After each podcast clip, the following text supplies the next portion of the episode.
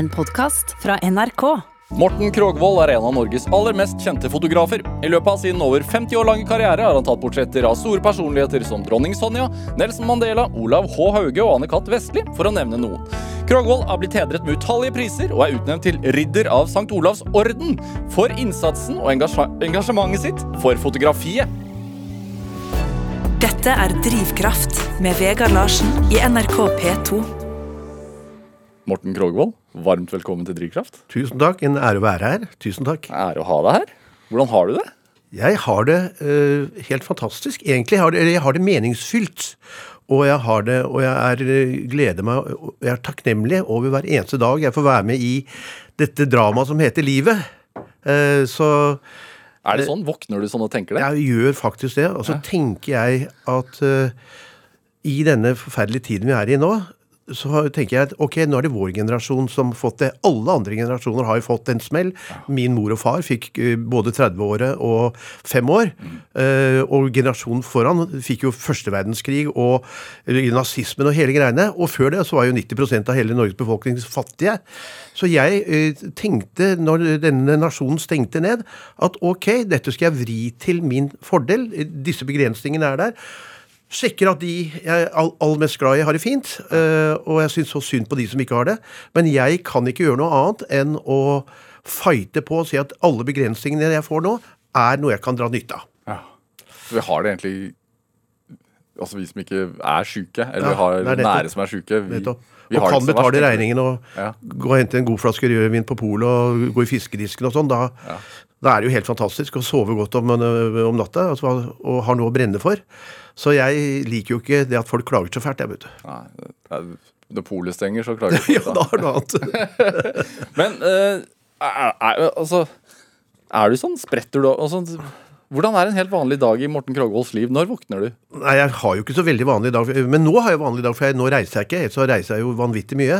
Men jeg pleier å våkne som ved syvtiden, men jeg legger jo meg ofte ikke før to-tre på natta. Hva holder du på med så Ja, sent? da? mørkerom og leser og skriver og, og så går jeg natturer. Og så, for jeg bor jo rett ved Østmarka. Ja. Hvor bor du? Eh, På Bøler, kunstnerboligen på Bøler. Ja. Hva folk som ikke kjenner disse kunstnerboligene, hva er det for noe? Det er det samme som eh, de bygde på, eh, på Ekeliv med Edvard Munch, hvor, hvor det var en idé hvor kunstnere skulle bo sammen og ha atelier og arbeidsmuligheter hjemme. Så det er et, faktisk et paradis, det, og med veldig ro og fred. Og så er det 19 minutter, så kan jeg kjøre rett inn på teaterkafeen, men nå er jo den stengt, da. Fem minutter til Marka og 19 Nettopp. minutter til teaterkafeen? Nettopp. Akkurat. Ett minutt til Marka. Ja. Er det, trives du Er det liksom beskrivende for deg at det er et, et eller annet sted mellom skauen og teaterkafeen, der finner man Morten Ja, jeg tror det. det er Godt sagt. Og gjerne i Roma og, og Venezia. og, og Sankt Petersburg. Men hva altså, Du er, du er frilanser Ja. og kunstner. ja. Hvor viktig er det at du har liksom struktur på hverdagen din? Enormt viktig å ha disiplin. Det er jo helt avgjørende. Jeg er kanondisiplinert. eh, Og jeg har sånn daglig hele tiden eh, Jeg bor alene, og da har jeg tid til å ha samtaler med meg sjøl hele tiden. Og jeg Hva, hva, hva, hva betyr det? Jo, det betyr f.eks. at eh, du vet at menneskets største kreativitet er jo å skape unnskyldninger. Altså årsaker til å ikke gjøre noe. Altså bli sittende og se på utallige eh, Netflix-serier og sånne ting. Men jeg må bare banke inn i huet med at nå går jeg til arbeid, nå skal jeg skape de bildene, nå skal jeg komme videre. Og hvis jeg bare skulle arbeidet når jeg ikke har det bra, så hadde jeg ikke fått gjort en damn shit. Så du må jobbe uansett hvordan du har det, og da uh, driver du deg fram eh, med en sånn indre dialog som eh, Og jeg tror jo at en av grunnene til at vi holder på med det, vi som skaper bilder eller musikk eller hva det kan være, det er jo for å holde et øye med oss sjøl, så man ikke stagnerer. Og, å være i prosessen, å være i den konsentrasjonen, er nesten enda viktigere enn det ferdige resultatet. faktisk. Å være i den Fantastisk å være inne i en sånn konsentrasjon. Og da er det veldig fint for meg at jeg bor et sted hvor det er helt stille. eh, og det er bare fuglelyd. Jeg hygger meg med fuglene på fuglebrettet. Eh, det er mine gode venner. Men er det Du bor aleine, sier du. Hvordan, hvordan er det? Det er helt utmerket. Jeg har jo bodd med, med, veldig lite aleine med de siste årene. Eh, og det, jeg får en helt annen ro. Og jeg drar jo ned i mørkerommet klokka to på natta og kjører eh, For jeg jobber veldig godt på natten. Jeg jobber veldig godt på morgenen, men ettermiddagen er egentlig den dølleste tiden. Eh, så, så det fungerer veldig bra at jeg kan disponere min egen, tid. tid. Og så er jo jeg så velsignet heldig at jeg har verdens beste venner. altså For et par ganger hvor jeg har blitt slått ned i bakken, så stiller de opp øyeblikkelig. Jeg skjønner ikke at jeg fortjener det, altså. Eh, og så har jeg jo mine døtre og barnebarn, og, så jeg har, en, jeg har et sånt fantastisk nettverk. Og det tror jeg er en av grunnene til at jeg har klart meg. Det er at jeg hele tiden fra jeg var barn har visst at det er utrolig nok mange som er glad i meg, altså. Ja. Må, må man si det til seg selv noen ganger? Eh, jeg syns eh, det er en bok som eh, Johan Galtung og Åse Marie Falldalen lagde, som heter 'Syv veier til lykke'. Og da de to første veiene er å sette pris på den ulykken som ikke har rammet deg selv eller din familie. Altså Plutselig så tikker det inn en ting på mobiltelefonen, og det eneste du tenker på Jeg skulle alltid ønska at jeg var før det, den meldinga kom. Det er bare deg vil være en ulykke. Og det andre er å sette pris på når du våkner. Se ut, glede deg til dusjen og lukten av kaffen og de der vanlige tingene. At du ikke har vondt i ryggen i dag. Ja, men Det er så lett å ta det som en selvfølge, men det er altså ikke det. Og så kan det høres litt banalt ut, men det er faktisk ikke banalt. Nei. Du må ha denne dialogen med deg selv. altså. På, ikke... Men slapper du av noen gang? Ja, gjør det. Eh, Det er godt mulig mange som tror jeg ikke gjør det. Men man kan jo ikke slappe av noe som er slapp fra før. Men, men, eh, nei, men, eh, men jeg er nok påskrudd hele tiden. Altså Jeg er påskrudd hele tiden. Og så er jeg, siden det er ditt fag også, så er jeg, jeg er livredd for å gå i den TV-seriefella. Hva er det for noe? Altså, du sitter og Ja, ikke sant? Fordi at i, binger Netflix-serier? Ja, nettopp. Ja, det er deilig noen ganger. Ja, det er veldig deilig. Du skjønner, men problemet er Jeg begynte å se The Crown, og det er jo jævlig bra. Ja. Det er kjempebra. Netflix-serien om, Ja. om eh, britiske kongefamilien. Ja. Men så blir jeg helt hekta. Og det liker og det har jeg jo ikke tid til, for jeg syns det er så, det er så veldreid. Ja. Og når jeg har sett de to første sesongene og jeg, det har jeg ikke tid til å se så mye av, men jeg skal se den siste eller forrige. Men da begynte jeg å lese hva er det de gjør. Og det de klarer For det første er det så proft, og det er gode skuespillere. Men så holder de et veldig høyt tempo som virker langsomt, fordi jeg begynte å gjøre. At jeg slo av lyden, og så klipper de hvert sånn 10.-15. sekund allikevel, men allikevel så virker det sånn langsomt, og så kobler de det en eller annen på sånn som drugs. At du må videre, du må videre. Utrolig dyktig gjort. Men jeg må jo passe meg, for jeg har så kort tid igjen å leve, vet du. Jeg har jo ikke, tross alt. Så jeg, jeg må være utrolig kresen med tiden min. Er det det, det, går fort, det går fort ut av kjeften din, Krogvold. Gjør det Ja, akkurat. er, det, er det sånn oppi huet òg? Eh, Ja, nei, jeg tror det går dessverre fortere i kjeften enn i huet. Eh, men eh, nei, men jeg, jeg jobber jo med slow photography. Jeg Ja, det er nettopp det. Så I forhold, du, ja. I forhold til kunsten din, ja, så personligheten og kunsten det, det krasjer litt. Krasjer litt? Ja, faktisk. For jeg, jeg jobber uh, veldig metodisk og langsomt i, med bildene mine. Ja. Og nøyaktig. Og, men så er jeg så går jeg litt på speed, har jeg inntrykk av. Eh, Men jeg mener jo at alle der hvor jeg vokste opp på Lille Langerud, at jeg mener jo at alle mine venner hadde ADHD. For det var jo, alle var jo sånn som meg, full spiker. Ja. Men jeg er velsignet med en eh, mye energi, altså, som uh, Vår Herre har gitt meg. eh, hvis eh, han finnes. Hva tror du om det? Jeg, er jo dypt religiøs, men eh, religion betyr jo undring. Og jeg elsker kirkekunst, kirkemusikk. Jeg elsker å være inni Altså ikke Bøhlekirke, så jo, bølekirke er faktisk bra, men ikke Manglerud kirke. Men Men når du kommer inn i det store italienske og franske og spanske og portugisiske, da men jeg, jeg er jo ikke kristen på den måten, selv om jeg daglig leser Bibelen. For det er jo en fantastisk bok. Hva har- leser du der, da? jeg har bare blar opp tilfeldig, for det er jo alltid noe eh, visdom som ligger i den. Eh, jeg leser jo ikke så mye på senga, men jeg har diktsamlinger, og Bibelen har jeg da liggende eh, klar. Og så hører jeg mye Bibelen på lydbok i mørkerommet. Å ja. Eh, For jeg, jeg føler at eh, for å utøve kunstbegrepet, uansett om man er ateist eller hva det er, så mener jeg at man egentlig burde ha kontakt med, med Bibelen. Du som også kan kunsthistorie selv, du kan jo det. Eh, Så handler så mye av forståelsen på den kunsten som er laget bakover i tiden, handler jo om det å nå Gud. da. Men er det da også fordi at mørkerommet for deg er et hellig sted, holdt Ja. jeg på å si. Litt sånn sakralt sted. Ja. Altså du, ved å høre på Bibelen så blir det nesten åndelig for deg. Ja, du kan si det. Høres jo ut som det er litt store vyer her nå, men, men eh, eh, altså Karl Nesjar, min gode venn og mentor, på en måte, uh, kunstneren, han var jo min nabo, og han kalte Når han kom i mørkerommet, så sa han 'Dette er vår tids bildegrotte', sa han. Billedgrotte kalte han dette. Og det er det jo. Men så hører jeg med musikk, og så har jeg stillhet, og så kan jeg høre på andre lydbøker. Men jeg kan ikke ha for avansert ting så det gjør at jeg, jeg går ut av konsentrasjon. Men eh, jeg kan jo da kjøre f.eks. hele Knausgård om igjen, som jeg har lest, på, fordi det er så mye snacks der. Eh, For han er jo en fantastisk forfatter, og, og Fosse og disse kan jeg ta om igjen.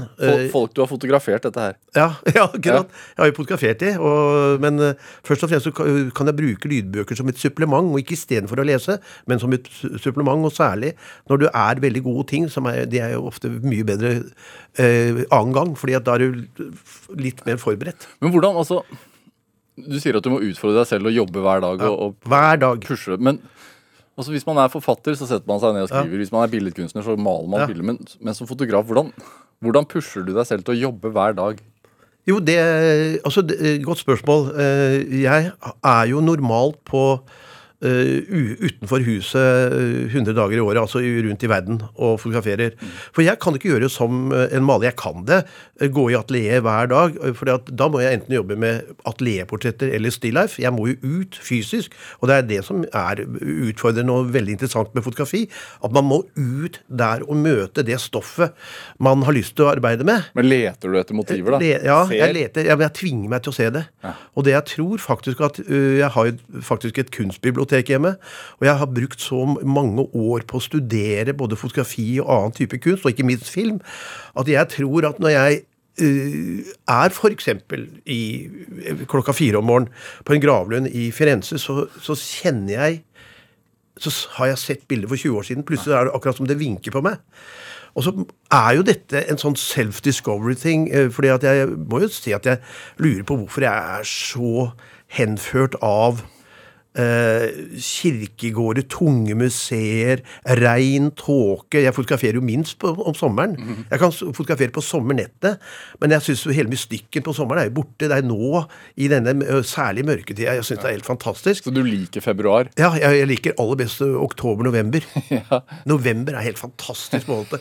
Særlig hvis det ikke har snødd ennå. Årets verste ja, måned. nettopp for alle andre enn meg. ikke sant?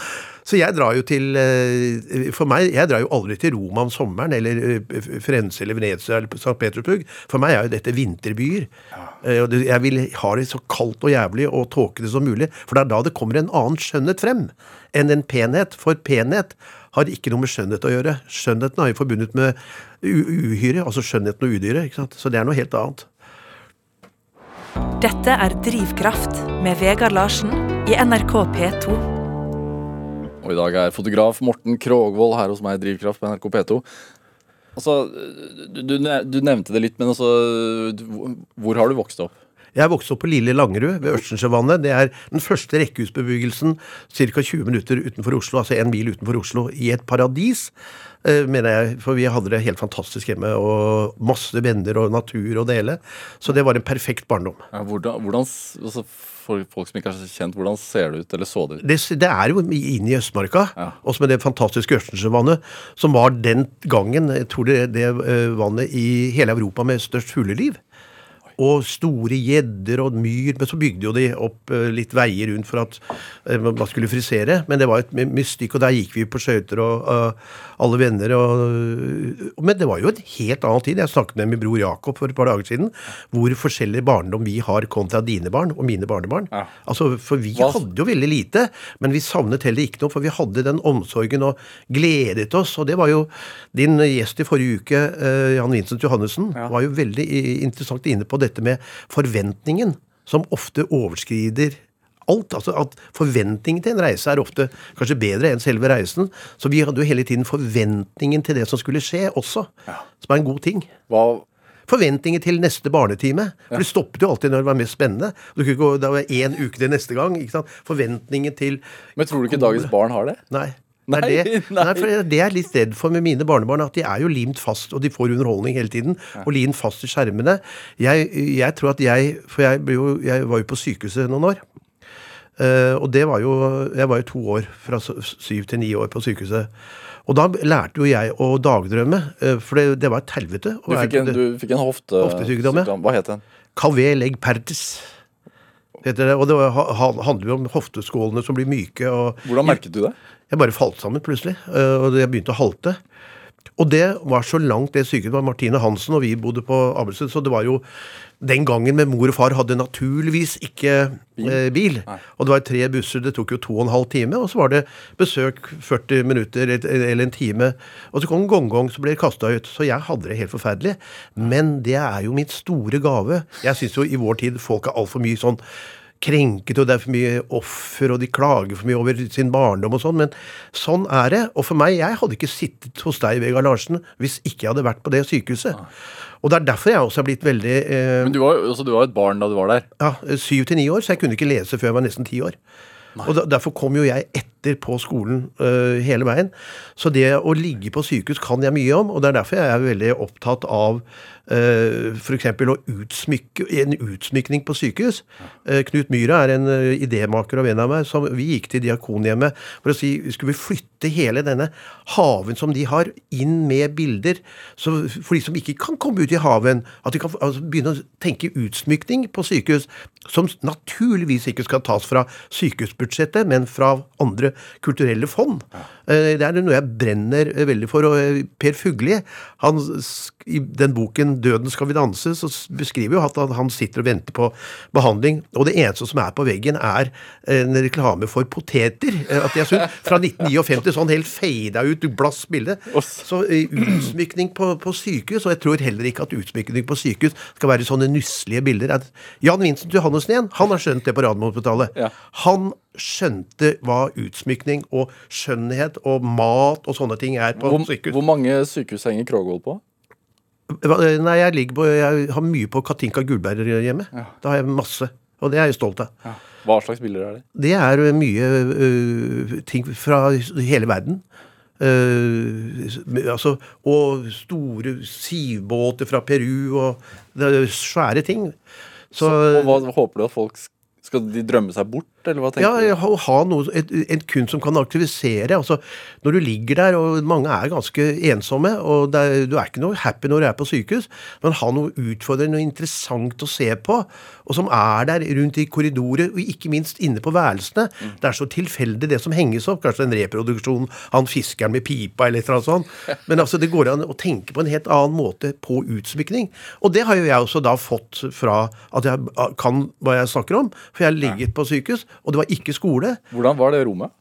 Det, jeg kan ikke huske annet enn at jeg tok det var et bilde på veggen. Jeg tror ikke det var noe sånn. Men vi hørte på radio i NRKs eh, på en måte gullalder på den måten at de, eh, der var det jo eh, altså Jeg kan jo alt om juksa på fiska og, og Oslo Words verdipapirer, men det var mye kulturprogrammer om natta eller kvelden. Og jeg tror ikke jeg som en liten dum gutt forsto hva det snakket om, men, men der var det Sandemos og Bjørneboe og Vesaas. Men det var noe i de stemmene, en frihet der, som jeg tror var helt avgjørende for meg. Og så fikk jeg da selvfølgelig Men var du låst i sengen? Ja, helt totalt låst. Fikk ikke bevege Det var helt ulovlig å gå ut på, på det gulvet på de årene eh, jeg var der. Og ikke var det skole. Ingenting. Og så kom jo far med eh, Mor og far holdt av Life Magazine, som var kanskje det magasinet i verden som har satsa mest på fotografi. Her snakker vi om 7-58. Og da de, Så frontet ja, faktisk. liksom. Ja. på det høyeste nivået ever. Ja. Og der fikk jo jeg de, de synsinntrykkene inn. Og drømte, fantaserte. Drømte, ja. Og så hadde det ikke da vært på, for mine brødre Pål og Jakob, som hadde mørkerom, så vet ikke jeg helt hvor jeg hadde vært den i dag. For det var de når jeg kom tilbake, og så introduserte de meg på et mørke, som gjorde at jeg fikk et visst forhold til hva det var. Hvilke bilder husker du best? fra Nei, det var jo sånn at vi tok bilde av hverandre, spille fotball og, Nei, men når du lå jo, jeg husker et bilde som heter, uh, som heter Sara. Det er en eh, jødisk liten jente. Det er litt sånn Anne Frank-historie. Som eh, er fotografert av en fotograf som heter Roman Wisniak. Og hun sitter i et kjellerrom, og der foreldrene som var jøder, var jo ute hele dagen og jobbet. Og så kom de hjem til denne forfrosne jenta, og faren var jo helt knust, og til slutt så uh, lagde han og malte han noen roser på veggen, og det bildet heter The Only Flowers of My Youth. De eneste blomstene i min barndom. Og hun døde jo ganske tett eh, etterpå. Og den historien fortalte jo far meg, for det sto jo der. På engelsk, selvfølgelig. Ja, men, men eh, han oversatte jo det. Og, da, og, det, og de, den paletten, den gråtonepaletten, har fulgt meg videre. Så du må, du, siden ikke du kunne Altså fordi du kunne ikke lese? Kunne ikke lese, for det var ikke skole så, der. Så bare på bildene? Bare på bilder. Og lagde tegneserier og, og var visuell, da. Og dagdrømte. Ja. Og det er fint.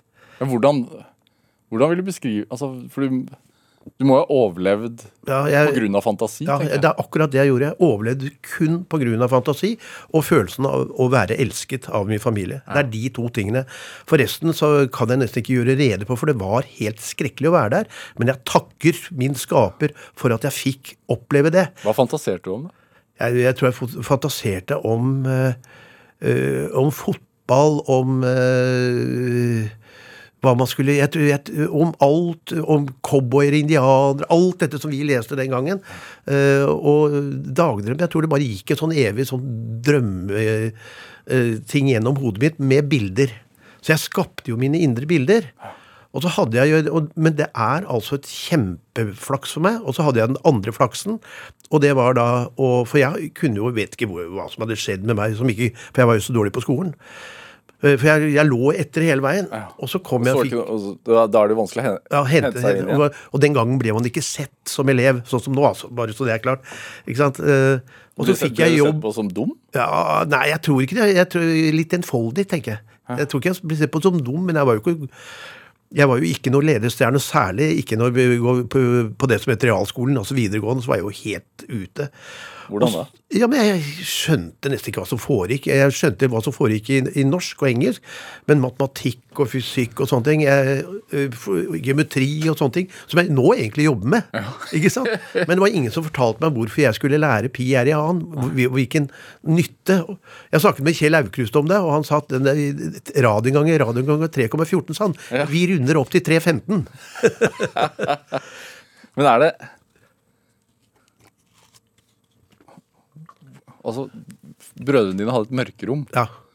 og der kunne du også utvikle fantasien videre, da? Ja, det kunne det. Og det- og så var det liksom det Jeg kunne jo veldig lite. Som jeg klarte i hvert fall å tre i film og spoler og klare å få fram et eller annet hjelpeløst her.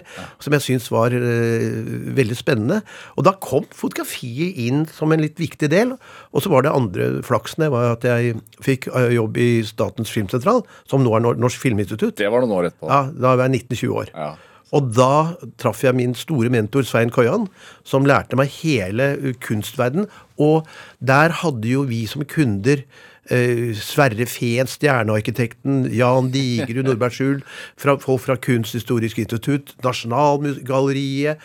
Og da kom jo jeg inn i hele den verden og kunne jobbe, reise rundt i hele Norge og uh, stå på natten og fotografere i G- Griegs hjem i Trollhaugen og virkelig, uh, virkelig gjøre dette ordentlig. Eh, fordi vi hadde ikke noe kommersiell eh, pisk på dette her. Vi skulle bare gjøre ting ålreit. Og da fikk jo jeg verdens beste utdannelse ved alle de menneskene jeg møtte. Ja. Og det er jo det som har gjort eh, at jeg kunne videreføres. Og uten når var første gang du holdt i et kamera? da? det vil jeg tippe at var sånn ti, ti år, kanskje. Når jeg- kom hjem fra Syv Martine Hansen, så tipper jeg da holdt jeg med sånn lite Brownie-kamera. Og tok bilde av kompiser og sånn lite grann. Men jeg var jo ikke noe god overhodet, men det var gøy. Når skjønte du at du hadde, hadde evnen til å, til å se? jeg gikk før jeg vet jeg tror jeg, det, det tror jeg mine brødre har sagt at jeg hadde. Fordi de sier at jeg så veldig mye. At jeg kunne ligge under bordet og se på disse lekecowboy-indianerne fra alle vinkler og sånn. Ja. At jeg, det, jeg visste, Men at jeg var noe god på det, visste jeg ikke før jeg var et par og 20. 23. Så tenkte jeg at kanskje jeg har noe. Eh, og da satset jeg for fullt mot fotografiet. Eh, men eh, du vet at det kan høres litt kokett ut, Vegard, men man, jeg er 70 år, og jeg er ikke sikker på om jeg er noe god ennå. Altså, for det, I forhold til hvor man vil hen. Man vil jo videre og forflytte seg hele tiden. Så når man holder på med bilder, så det ikke, Man blir ikke tilfreds, men man kan si at jo, her var jeg i nærheten av noe, og hurra for det. Men jeg må jo skru et gir til, da. Men hva, hva er målet, da? Altså, Fins det et mål? Altså, Fins det et ferdig Nei, det fins ikke et mål, men det fins et mål å se om jeg kan eh, Jeg er ikke kommet fram ennå, og se om jeg kan bryte gjennom en ny usynlig vegg der. At det ligger noe, en ligger i en sånn, sånn skattkiste som jeg ikke har kommet fram til. Og den kommer jeg naturligvis ikke frem til, men kanskje jeg kan nærme meg litt av det stoffet jeg mener fortsatt jeg søker etter. eh, Og jeg syns jeg er blitt bedre med årene. Og jeg syns det er mer spennende den reisen nå enn jeg syns for 20 år siden. Hva søker du etter, da? Jeg søker etter en eh, Dette er vanskelig å si på radio, men jeg, jeg søker jo etter en stemning eh, eh, som kan gripe eh, Jeg søker jo etter det du, du snakket med Kari Bremnes om, melankolien. Ja. Som jeg mener er simpelthen gleden ved å kunne være litt bedrøvet. Altså Jeg liker den melankolske eh, Akkurat oktober-november, ikke sant, og musikken og alt dette her. Så jeg trives jo i mørket. Mens jeg syns jo når sommeren kommer, som er fantastisk Kari Bremnes sa noe fint å, vandre på bunnen av en hemmelighet. tror jeg hun kalte melankoli. det- og hun er lyriker, vet du. Ja. Så det, den skulle gjerne sa Søren at ikke jeg sa det selv. Men når sommeren kommer, da sitter jeg i den livgivende solen og drikker hvitvin og skriver og leser. Men det er om, eh, når mørket kommer, det er en mørkere sol inni hodet mitt. Som Samuel Beckett, forfatteren, sa, husk på at du har en mørkere sol. Og det er den mystiske kilden. Og den livgivende solen ute, det er fornyelse. Men eh, det å holde på med en kunstverden handler aller minst om vellykkethet, og aller minst om nytelse. Og jeg er ikke noen lykkejeger. Jeg er ikke interessert i lykke, jeg, vet du. Jeg er interessert i meningsfullhet, og jeg er interessert i eh, å ha, ha fred med min indre demon. Tror du vi er for opptatt av størrelsen lykke? Ja, jeg mener absolutt det. Og jeg, jeg håper jo nå at denne koronaen også gjør at eh, det man ikke har savnet på et år Jeg tror ikke man skal tilbake dit. Og jeg tror man skal starte på et nytt ståsted. Eh, og ta bort det som ikke har vært eh, interessant nok, og benytte sjansen til å kanskje fordype seg i en roman man aldri har våget seg på før, eller et musikkstykke av Beethoven, eller et eller annet sånt. Nå har vi en mulighet til å ikke bare sitte og sløve. Eh, og så tror jeg at vi vi er nok Det er mye Er du streng, Krogå? ja, jeg er mye krenking vet du, der ute. Folk er krenket, og de er lei seg og den, uh, hele tiden. Og det, det er mye professional victims, som jeg kaller det der ute. Det er det, altså. Mens vi var jo født inn eh, i en mye hardere himmel, men ikke minst de som var generasjoner før meg, altså de, store kunstnerne som Picasso og den gjengen, de opplevde jo ikke bare første verdenskrig, annen verdenskrig, nazismen altså, de, de, de, Vi er jo født under soft himmel. Ja. Skal, Men nå har vi fått det, og det har jeg respekt for, altså. vi skal trekke fram en, en annen kunstner som levde før deg. Altså, du har med et stykke av Gustav Mahler. Ja. Eh, hvorfor det? Altså, Han treffer jo meg med denne, eh, denne melankolien og sorgen og den uutfattelige skjønnheten. Du kan tenke deg, at Da han var på, ja, yngre enn deg, da hadde han mistet seks søsken, begge foreldrene og ett et av to barn. Så han visste hva han snakket om. Og, og han går jo ned i, eh, som hele kunstverdenen gjør, de tør jo møte døden, konfliktene, skjønnheten, evigheten og Eh, også håpet, men du kan jo ikke ha et håp hvis livet hadde vært e- evig. altså Det er denne livets korthet, forferdelig nok, som han klarer å dra inn med denne For meg, hvis du hører dette stykket, så er det akkurat som han kommer fra et annet rom. Den stemmen kommer inn fra et annet univers, altså. Ja, hva er det vi skal høre, da? Vi skal høre fra Malers annen symfoni, eh, Oppstandelsessymfonien, ved Christian Ludvig. En, det vi hører bare et lite utdrag. Ja.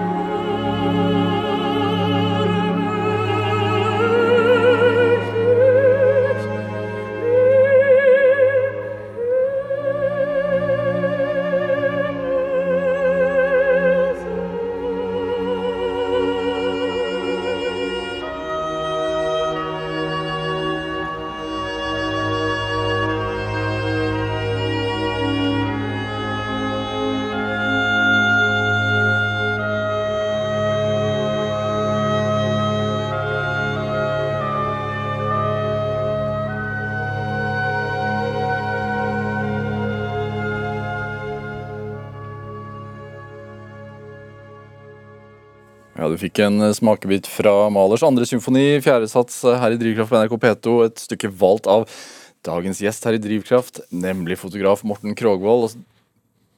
Du blir beveget når du hører dette her. Jeg blir veldig beveget. Og jeg tenkte på forfatteren Thomas Mann, som sa at det en kunstner og vi alle ikke må gjøre, det er å klippe de livgivende årer til fortidens brønn. At, at vi ikke lenger har kommunikasjon med annet enn det kule som skjer nå. Fordi det meste er jo gjort.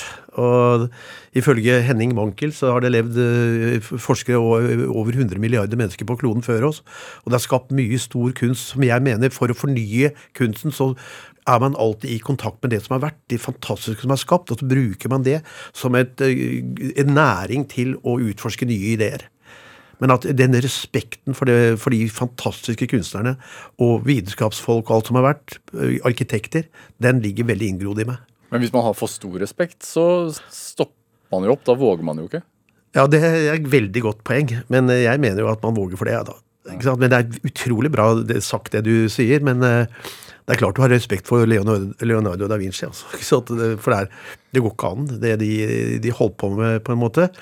Eh, og så bare tar man det som en eh, tenker at dette er gjort. eh, takk for at jeg får oppleve det. Og så skal lille Morten Krogvold prøve å gjøre noe som han kan. Eh, men det, det, jeg sitter på skuldrene til giganter. Og så er jeg en dverg i forhold, selvfølgelig. Hvem er, hvem er liksom de største for deg? Nei, altså Den største for, for meg altså Jeg tror nok at eh, hvis jeg skulle si at jeg har en helt, så er det dirigenten og komponisten Leonard Bernstein. Fordi jeg også underviser mye. Og han, Som har lagd masse filmmusikk? Ja, nettopp. Ikke sant? Ja. Men eh, å se han studere, eh, innstudere verket for de store orkestrene, og også se han i undervisning.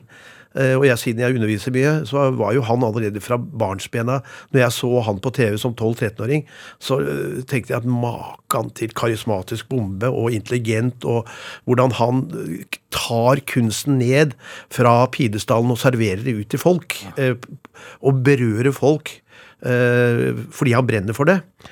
Så det er liksom en sånn stor person for meg. også er jo eh, en som forandret mitt liv, er jo Ing- Ingmar Bergman. Forandret jo mitt liv. Hans filmer, Jeg var mottagelig på 70-tallet. Når hans filmer kom, så gikk det helt trill rundt for meg. For jeg tenkte at dette her er altså så magisk. Han går så dypt inn i menneskesinnet og det menneskelige uttrykket. Klokker som tikker og alt det der. Det er jo helt rått. Er det det du er på jakt etter også selv? Ja, men altså selvfølgelig man trenger ikke uh, sammenligne seg med en sånn mann. Jo, men med Ja. Der, ja. Ja, og gå innover, altså. Innover. Uh, du har vel hatt Ole Paus her en gang, og han, uh, han og Kjetil Bjørnstad har jo en, eh, lagd en eh, CD som er Frolandia, fra Froland, av alle ting. Eh, og da sier Ole at eh, vi skal utover. Utover? Nei, sier han, vi skal faktisk innover. Innover skal vi, sier han. Innover. For det er der, det er der jo kilden ligger, da. Ja, for jeg så på, altså, Krogvold, du er jo veldig kjent for portrettene dine. Du har portrettert, som jeg nevnte innledningsvis her, også masse store personligheter. Men så skriver du også på, på hjemmesiden din at spenningen jeg opplever under portrettfotografering, kan ikke sammenlignes med noe annet. Ja. Er det fordi at du prøver å bore deg innover, eller hva? hva Og så redselen på å ta andre menneskers tid. Jeg er jo overnervøs hver gang jeg skal gjøre portrett. Eh, så det er det at eh, det er der og da, og man vet ikke om man får det til. For det er ikke bare En maler kan jo gjøre masse skisser, og så kan du bygge det opp og opp igjen i atelieret, men jeg må treffe på den kommunikasjonen, på det lyset, på den spiriten. Men så er det viktig å si at portretter er bare 30% av det jeg gjør. Mitt store prosjekt er jo dette som heter Requiem, altså eh, hvor jeg forholder meg til livets korthet. Og tid. Ja, nettopp. Og tid. Det er jo tid jeg holder på med. Men p- portretter, eh, det er altså helt grusomt. Men det er et kick som er helt fantastisk. Men jeg er så redd for å mislykkes. Men fanger du tid når du tar Ja, bilder av, altså Ja. av mennesker ja, også? Det er det jeg prøver å gå inn og bore ut over eh, at de ser ut som det er fra 2021. Altså det kan gjerne se ut som det er fra 1700-tallet eller om 100 år. Altså dette tidløse i et ansikt. Eh, og det handler jo om den kommunikasjonsbiten. At jeg møter den personen jeg fotograferer med dypt alvor og snakker sammen sånn som vi gjør. Nå. Ser de Nå sitter jo du utrolig fint. Nå kunne jeg tatt et veldig fint, for nå tenkte du. eh, Mens nå smiler du. Ja. Eh, Og da liksom er det borte men et lite øyeblikk, så var du helt inne, Inne i inne i der. Og Ja. der skal jeg hogge. Ja. Litt frekt, er det ikke? Jo, Å ja, det er, fange det øyeblikket? ja, Man har jo ikke noe rett til det, men eh, så lenge, så lenge de jeg fotograferer er med på det Det skal jo være en reise dette her inn og prøve å- Jeg vil nemlig at de menneskene jeg fotograferer, at de bildene ikke skal se latterlige ut om 30 år. At de, de, holder, de holder seg friske hele veien. Fordi det er noe allment i et menneskelig uttrykk som handler om eh, alvoret, som handler om konsentrasjonen, blant annet, som er veldig viktig. Nå sitter det også fint igjen. Hvor forfengelige er vi? Jo, vi er veldig forfengelige, for vi har aldri sett oss selv. Vi har jo bare sett oss selv i speilvendt. Og de der videoene på, du har på telefonen din, det, det, det viser jo en helt annen. Så jeg tror nok mennesker er forfengelige, men det går an å få mennesker til å forstå at det er ikke snakk om uh, uh, Her kommer mitt bilde. Ta, uh, Se på det en, en uke. Uh, og så sier han nei, dette var jo ikke sånn jeg ville ha det. Så sier men her er det bildet ved siden av som bekrefter deg. Hvilket menneske er mest spennende? Og da velger du jo det mennesket som er mest spennende, og som ikke bare bekrefter. Du fikk jo eh, 2003 eller noe sånt, så fikk du kritikk for Du tok, du tok bilder av uh, kongen og dronningen. Ja, Da fikk du litt kritikk, husker jeg. ja det, det, det var i og for seg greit, men de er knallfine. For det VG trykket i to blendere for Altså, det var helt lyse. Så det var veldig dårlig trykket, men bildene er faktisk noe jeg kunne stilt ut i dag. Ja. Eh, men der kommer også fargebildene på trykk, men det er sort-hvitt-bildene mine er veldig fine. Og det er ikke minst eh, både det av dronningen og kongen er jeg veldig stolt av. Men jeg fortjente jo den kritikken, fordi at jeg hadde kritisert andre. Og jeg er mye mer forsiktig på det nå, for folk er så krenket, som jeg sier. Er du selvkritisk? Åh! ja, det skal jeg love deg, altså. Det er uh... Er det en Altså, du, du, du, du sa tidligere her at eh, At du har funnet ro med din indre demon. Ja. Er den en selv... Er, altså, kritikeren i deg, er det en demon? Ja, det kan være en observatør uh, som, som på en måte begrenser litt av tilgangen til frisk ny tenkning. Men eh, man, det gjelder å ha tvilt seg ferdig. Altså, Tvilen er Angsten og tvilen er to gode venner. Men du må bare ikke overdrive sånn at du hele tiden pisker deg selv, for du må også klappe deg på skulderen og være litt sjef i egen fanklubb også innimellom. Så det er den kombinasjonen. Men hvordan få Hvordan kue angsten, da? Men angst bruker jeg som et verktøy, som jeg tror kanskje også eh, mange idrettsfolk bruker. Altså det At du har den der pirrende angsten på at du ikke skal få til noe. Jeg opplever den som skjerpende. Jeg liker den angsten. Jeg vil aldri være den foruten. Fordi at at det får deg til å skape. Ja, det får meg til å skjerpe meg veldig. Mens kritikeren kan være litt ubehagelig. Den må ikke være for sterk heller. Men hvis man setter seg tilbake med beina på bordet og sier 'Å, gud, jeg er flink jeg er', da er det bare å begynne å mate enden isteden og pensjonere seg, altså. Er du redd for det? Jeg kan, altså hvis, jeg skal jo jobbe til mitt siste, hvis jeg kan. Altså, så min drøm er jo at jeg skal stå med Malers musikk i mørkerommet eh, klokka tre på natten og glass rødvin, og så falle i huet rett ned i fiksen og bli liggende i fiksen. Det er min dødsdrøm. så finner de meg et par dager etter, surkler ned fiksen. Hva er fiksen? Det er der du- etter fremkallerbadet, det er der du gjør at bildene tåler lys oh, ja. etterpå. ikke sant? Fikserbadet.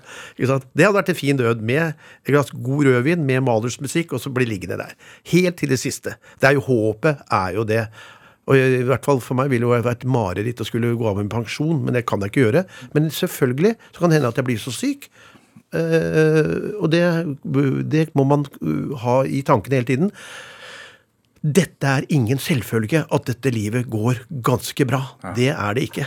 Og det vet vi nå. Men du som er så kjent med, med kunsthistorie, Ja. så, som jo grad handler om åndelighet, Ja. og høre på Bibelen på, på lyd, Ja. lydbok i, i, mens du jobber altså, hva, hva tror du selv, da? Når du ligger der i fiksen, hva skjer? Jeg tror Er det en sjel, eller hva? Nei, jeg, jeg, jeg skulle ønske jeg trodde på det, men jeg tror det er som ikke å være født. Jeg tror. Men jeg fotograferte tre eh, portugisiske kvinner, et av mine mest kjente bilder, og i kledd i svart. Mennene var jo døde. Vi ga, var en gang barn, var det det? Nei. Nei, men det, men det, det heter 'Tre kvinner, en drøm'. Ja. Og de, eh, de hadde jo mistet sine menn, og de gledet seg, sa de til meg via tolk, til de skulle dø, for da skulle de møte mannen igjen. Og da sa jeg, men, men da forlater du barna. Ja, men de kom jo etter, så de tenkte at det var full party der oppe. Og så heldig, tenker jeg, å tro på noe etter døden. Jeg skulle ønske jeg gjorde det, men jeg tror nok det er her nede det må skje. Og det er fantastisk å være en del av dette, selv om vi er i tøffe tider nå, for det er det virkelig. Er det viktig å ha noe tro på her? Ja.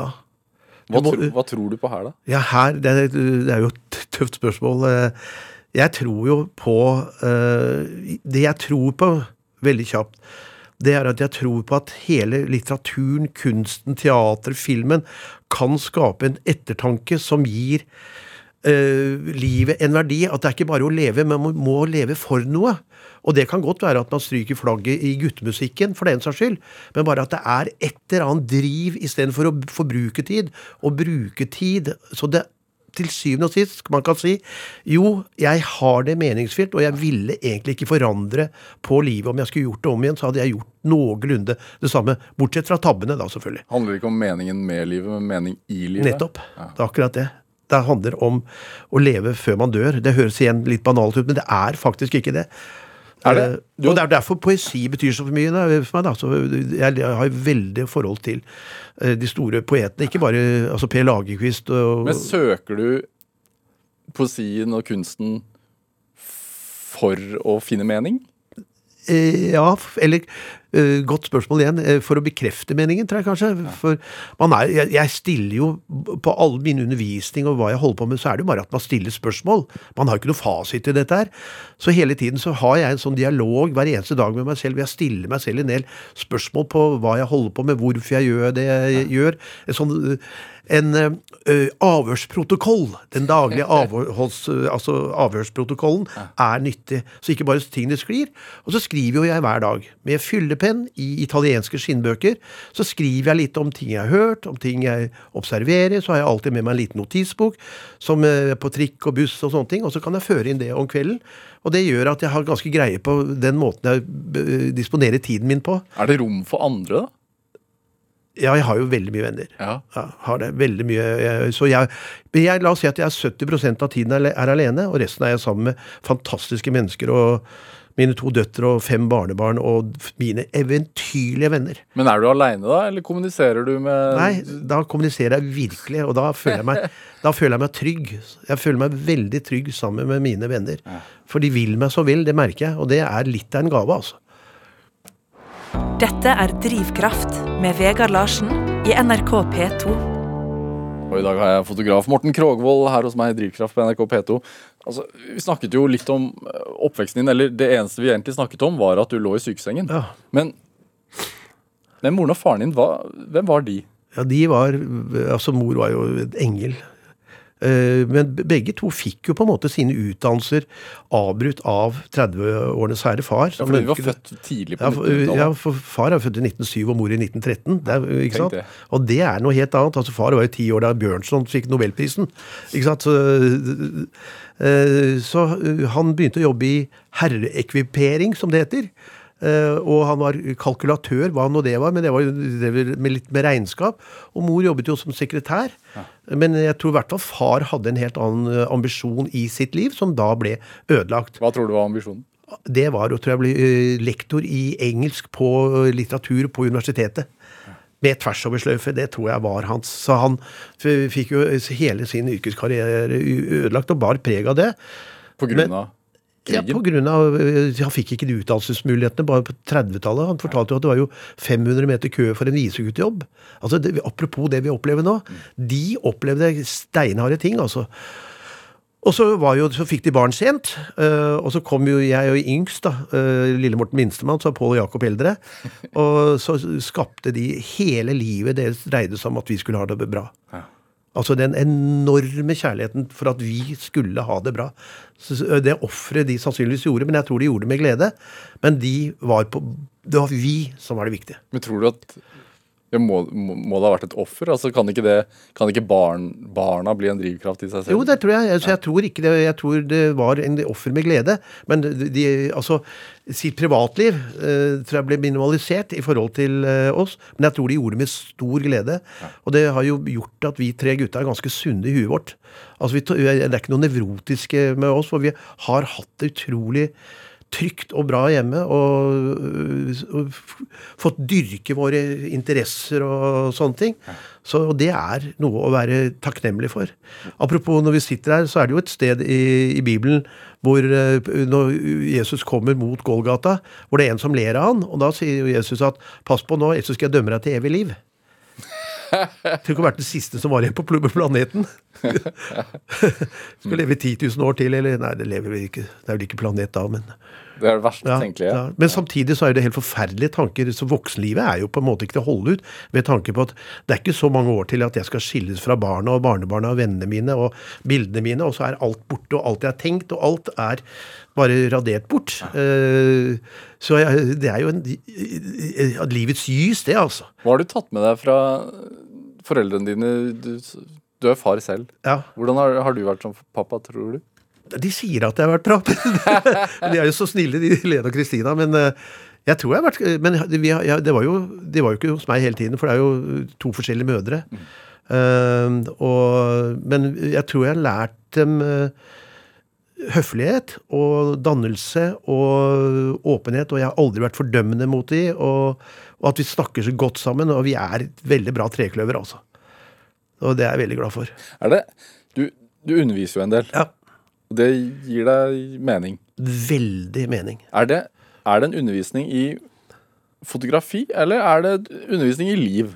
Det er liv og dannelse, også, som fotografi er en del av. Ja. Eh, For det, selve den fototeknikken det kan jo alle lære seg, det er jo ikke der det ligger. Men det ligger å bygge seg opp og ha noe på hjertet. Så jeg bruker like mye film som musikk, som poesi, som kunsthistorie inn i undervisningen. Og dette er å Og konsentrasjon. Du kan hente mye fra idrett. Veldig lærerikt med idrett. hva, hva bruker du å si da? Har du noen sånne Nei, men du, du- du kan si at øh, den eksempel når du ser han fotballspilleren Haaland. Den konsentrasjonen, ja, den konsentrasjonen han bringer inn, samtidig med en glede. Det er helt fantastisk, for han både denne gleden, den måten han kommer ut på banen og snakker med gutta, men den der nådeløse konsentrasjonen han har, og den må til hvis man skal klare å skape noe ut over noe middelmådige. Og da er det å hente opp noe, noe i seg selv, men først og fremst så må man gi seg selv tid til å tenke, og ikke bare sitte på Facebook og TV-serier og sånt, for da får du aldri tenkt. Ikke sant? Og du får andre savnet. Du må gå og ture. Jeg syns jo ektepar skal få lov til å være litt fre, i fred for hverandre. Nå går jeg en kveldstur alene. Flott. For jeg trenger å tømme uh, nøtta, og så stille seg noen spørsmål, f.eks. før man legger seg. Hva gleder jeg meg til i morgen? Og Hvis du ikke finner ut noe særlig å glede seg til, er det mulig at man kan gjøre en liten justering, f.eks. Har du trengt det noen ganger? Mange ganger. Men jeg gleder meg alltid, jeg, vet du. Men jeg gruer meg òg, da. Jeg var jo vegg i vegg med Anne-Kat. Vestli, og hun grudde seg jo alltid. For hun kom jo inn til meg og tok en konjakk, for hun skulle lese på Lillehammer og tenkte at dette går til helvete. Og så kom hun om kvelden, så gikk det bra. Og så uka etter skulle hun lese Lillestrøm, så grudde hun seg igjen. Så bo- man, jeg også har grudd meg mye i livet, men jeg, eh, men jeg har alltid en forventning. Eh, Altså denne forventningen til Jeg liker jo å bli utfordret, selv om jeg eh, avskyr det på en annen måte. Hva, hvorfor er det vesentlig? Eller hvorfor er det viktig for deg? Jo, for å forflytte meg. Jeg, skal, jeg kan ikke bare gå i det samme gjørma. Du må jo prøve å se liksom uh, Duger du til, eh, til noe annet? Eh, Men sier du til deg selv noen ganger sånn Åh, hvorfor, hvorfor har jeg sagt ja til dette her? Eller hvorfor har jeg Ja. tatt meg dette prosjektet? ja, jeg gjør det av og til, men jeg, jeg skulle opp og holde en åpningstale, eller en, en tale på Universitetet i Trondheim. Hvor de skulle ø, For dekanere og avgangsstudenter. Og da gikk jeg forbi en som kjørte fiskepudding til Rema 1000. Og så tenkte jeg, for en heldig gris. For jeg spurte, Han sto opp sju og var hjemme klokka tre. Og da hadde han helt fri, han. Men jeg har jo aldri fri. Så tenkte jeg at jeg vil bli fiskepuddingleverandør. Men det, etter jeg hadde satt meg på flytoget til Gardermoen, så tenker jeg nei. jeg nå skal jeg møte den gjengen der, og jeg er vettskrem, men dette skal jeg få til. Men hvordan er det for Morten Krogvold som Hva er det du sa? Du følte deg ikke dum på skolen, men du følte deg som uh, Enfoldig. enfoldig. Ja. Og så reiser du opp og blir invitert for å holde avgangseksamenstalen. Det er, jo Det er en reise, da. Det er en reise som jeg aldri trodde at jeg skulle ø, oppleve. Og jeg vil si faktisk, og det mener jeg, det er ikke koketteri, jeg er egentlig ikke noe stor begavelse. Altså, Men jeg har fått til disse tingene ved steinhardt arbeid og målbevissthet og entusiasme. Og da tror jeg alle har en eller annen inni seg, men jeg måtte grave dypere enn de fleste og bruke lengre tid. Men jeg har hatt, jeg syns det er så berikende. Det er det som er vært en, eh, som har gjort at jeg har i hvert fall kommet mye lengre i mine bilder enn jeg noen gang våget å håpe på. Er det ikke fare for å bli lat hvis man er så fryktelig begavet, da? Jo, det kan være, og det ser jeg også. At uh, hvis det går for lett for, for, for bl.a. fotografer, så forsvinner det ofte ut. Eh, for de har ikke den, det trøkket. Men så er det mye offer. Man ofrer jo tid, og man uh, ofrer tid med barn og sånne ting. Så det er jo en, også en, selvfølgelig en egotripp. Det, jeg legger jo ikke skjul på at det er det. Men det må være det. Hvis, for det er egentlig to klasser. Det er første klasse og ingen klasse i dette her. Hva mener du med det? Altså Enten så er du presterer du på det eh, planet du kan gjøre på sitt beste, eller, og hvis du begynner å slappe av på den, så blir du satt ut av, eh, av Manchester United. Hvis du slapper av i 1% så er du ute av det laget. Og hvis du slapper av eh, bitte lite grann med treninga, så, blir, så blir, vinner du ikke femmila som er om ti dager. Eh, da blir du nummer tolv, og da kommer straffen for at du har skulka noen treninger og sånn. Er det, altså, eh, Monet hadde jo disse liljene som han Ja. drev og malte hele tiden. Har du noen sånne motiv som du aldri blir ferdig med å fotografere? Ja, det er jo disse kirkegårdene mine. og kirkene og sånn, som jeg aldri blir ferdig med lyset inni disse store... Kirkegårder er jo Men ikke norske kirkegårder, for de er ikke noe fine. Det, Nei, det er noen. Det er Men noen. det er jo en plass med gravstøtter og, og død, da. Ja, øh, men vi skal jo dit, så vi kan like godt inngå en pak pakt og si at sånn er det. Men der ligger en skjønnhet spesielt i italienske, polske, tsjekkiske, hvor det er grodd litt igjen. Det ligger en mystikk der. Det er ikke det korset jeg er opptatt av, men det er noe med den roen i den stemningen, den verdigheten som, som ligger i det, som jeg søker. Og da kommer denne melankolien som jeg syns har en enorm skjønnhet i, i seg. Når var det du ble opptatt av dette her? Ganske tidlig. Altså av kirkegården? Ja, ganske tidlig. For jeg så det første eh, bildet jeg sendte inn i blinkskudd i fotografi når jeg var 19-20 år. Det er eh, min daværende venninne Eva foran en gravstøtte. Skrekkelig bilde.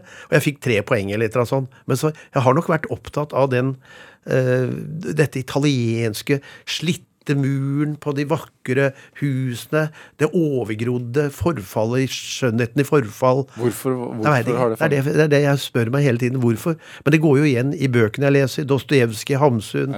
Det går jo igjen i musikken jeg spiller. Jeg, så jeg orker ikke det der eh, for lettvinte, jeg skjønner du. Men jeg ler to timer hver dag. Jeg, men, men jeg orker ikke det glatte, så jeg kan ikke se på den, den glatte musikkfestkonkurransen i NRK og TV 2 og sånn. Det fordi jeg, jeg blir syk av det. Altså, jeg har ikke godt av det. Nei. Så jeg tror jeg må være høysensitiv på sånne ting. Men jeg blir ikke syk av Maler. Tvert imot, jeg blir veldig lykkelig av å gå inn i den mollstemningen. Hvor mange bilder har du, eller mange fotografier har du av gravstøtter, da? Ja, men det er ikke bare de Nei, gravstøttene. Nei, på kirkegårder, da? Eller kirker? Nei, jeg har jo noen hundre, men, det, men jeg har jeg tror faktisk 20-30 som holder. Og det er jo veldig mye, da.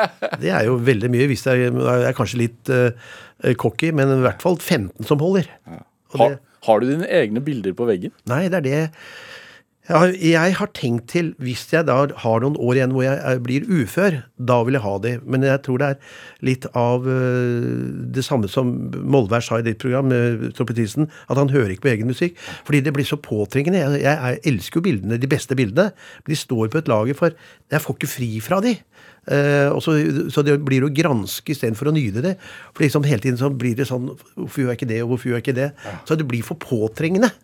Men jeg har noen eh, skisser og sånn i mørkerommet og arbeidsrommene mine og sånn, men ikke i stua kan jeg ikke ha egne bilder. Kan ikke det, altså. For det, det blir, eh, De angriper meg, ja. ikke sant? Og begynner å le av meg. Er det?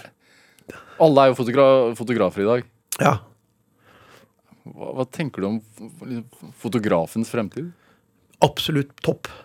ja. Det tror jeg, men, men det handler bare om kvalitet. Ja. Men jeg, jeg skjønner ikke hvorfor fo- fo- folk tar så mye bilder på mobilen. For den lytteren som hører på dette, når så du på de bildene du tok for tre uker siden? De blir jo bare liggende der, eh, og så har man det i en sky, og så er sky et firma som går konkurs, og så er alt borte. ja. Så jeg vil jo heller da delete, altså printe ut, gå inn og, eller lage sånne fotobøker, eller lage print og lime i de gode og gammeldagse albumene, albumene, du som har barn, og ta vare på de gode bildene uh, som blir eh, på en måte ettermælet til barna, men ikke, du, du kan jo ikke ha 5000 bilder av barna og gidde å se på det. Men de Det har nok fine, det på mobilen. Ja, du har nok det, det jeg skjønner det. ja. Men ta vare på de ordentlige bildene. Tar du bilder med mobilen, da? Ja da, men det er mest til skisser. Det er en fin bakgrunn. Jeg kan være på et, øh, en utstilling i Paris og se den der blå veggen de hadde der. Det var, kanskje jeg skal hente den inspirasjonen. For det handler jo om å stjele òg, vet du. Forskjellen på en god kunstner og en middelmådig kunstner er at den gode kunstneren stjeler, og den middelmådige plagierer. Og det er stor forskjell, altså. Er det, er det noen Er det noen mennesker du drømmer om å ta bilde av i dag? Ja, det er, øh, det er faktisk det jeg, jeg kunne, selv om jeg er inne i klassemusikk Det hadde vært utrolig interessant å tatt bilde av Bob Dylan. Ja. Det hadde vært veldig interessant. Og selvfølgelig masse regissører og kunstnere og sånt som øh, Så det er mange jeg drømmer om å fotografere. Og så syns jeg det hadde vært utrolig interessant å fotografere paven. Vi har vært der inne i i, øh, for jeg er jo veldig opptatt av Vatikanet og ja. Michelangelos fresker og ja. Rafael og dette, og de der tunge korridorene. Det hadde vært utrolig spennende å gjort et ordentlig portrett. For hvem er han? Få høre, får håpe noen ja. som hører på, kan fikse dette her. Noen som har kontakt med Absolutt. det aller helligste. Uh, Morten Krogvold, jeg har ikke spurt deg om drivkraften din, for jeg føler jeg har hørt den i en time nå. Er det ikke litt sånn, da? Jo da, også drivkraften er jo at eh, det at jeg ikke er kommet frem, og at jeg tror det ligger et lite mysterium og venter. Ja. Hvis jeg er konsentrert nok, at jeg kan knekke en ny kode. Tusen takk for at du kom. Tusen takk. Skal vi se. Det var det i dag. Eh, Time går altfor fort. Eh, produsent i dag det var Kjartan Aarsand. Eh, Julia Martincic researchet og bidro også sterkt til denne sendingen. Nå får du straks siste nytt fra NRK Nyheter her i P2. Eh, hvis du ønsker å høre mer Drivkraft, så kan du gjøre det. Du kan laste oss ned i NRK-appen eller laste oss ned som podkast. Jeg heter Vegard Larsen. Vi er tilbake i morgen. Vi høres. Du har hørt en podkast fra NRK. Hør flere podkaster og din NRK-kanal i appen NRK Radio.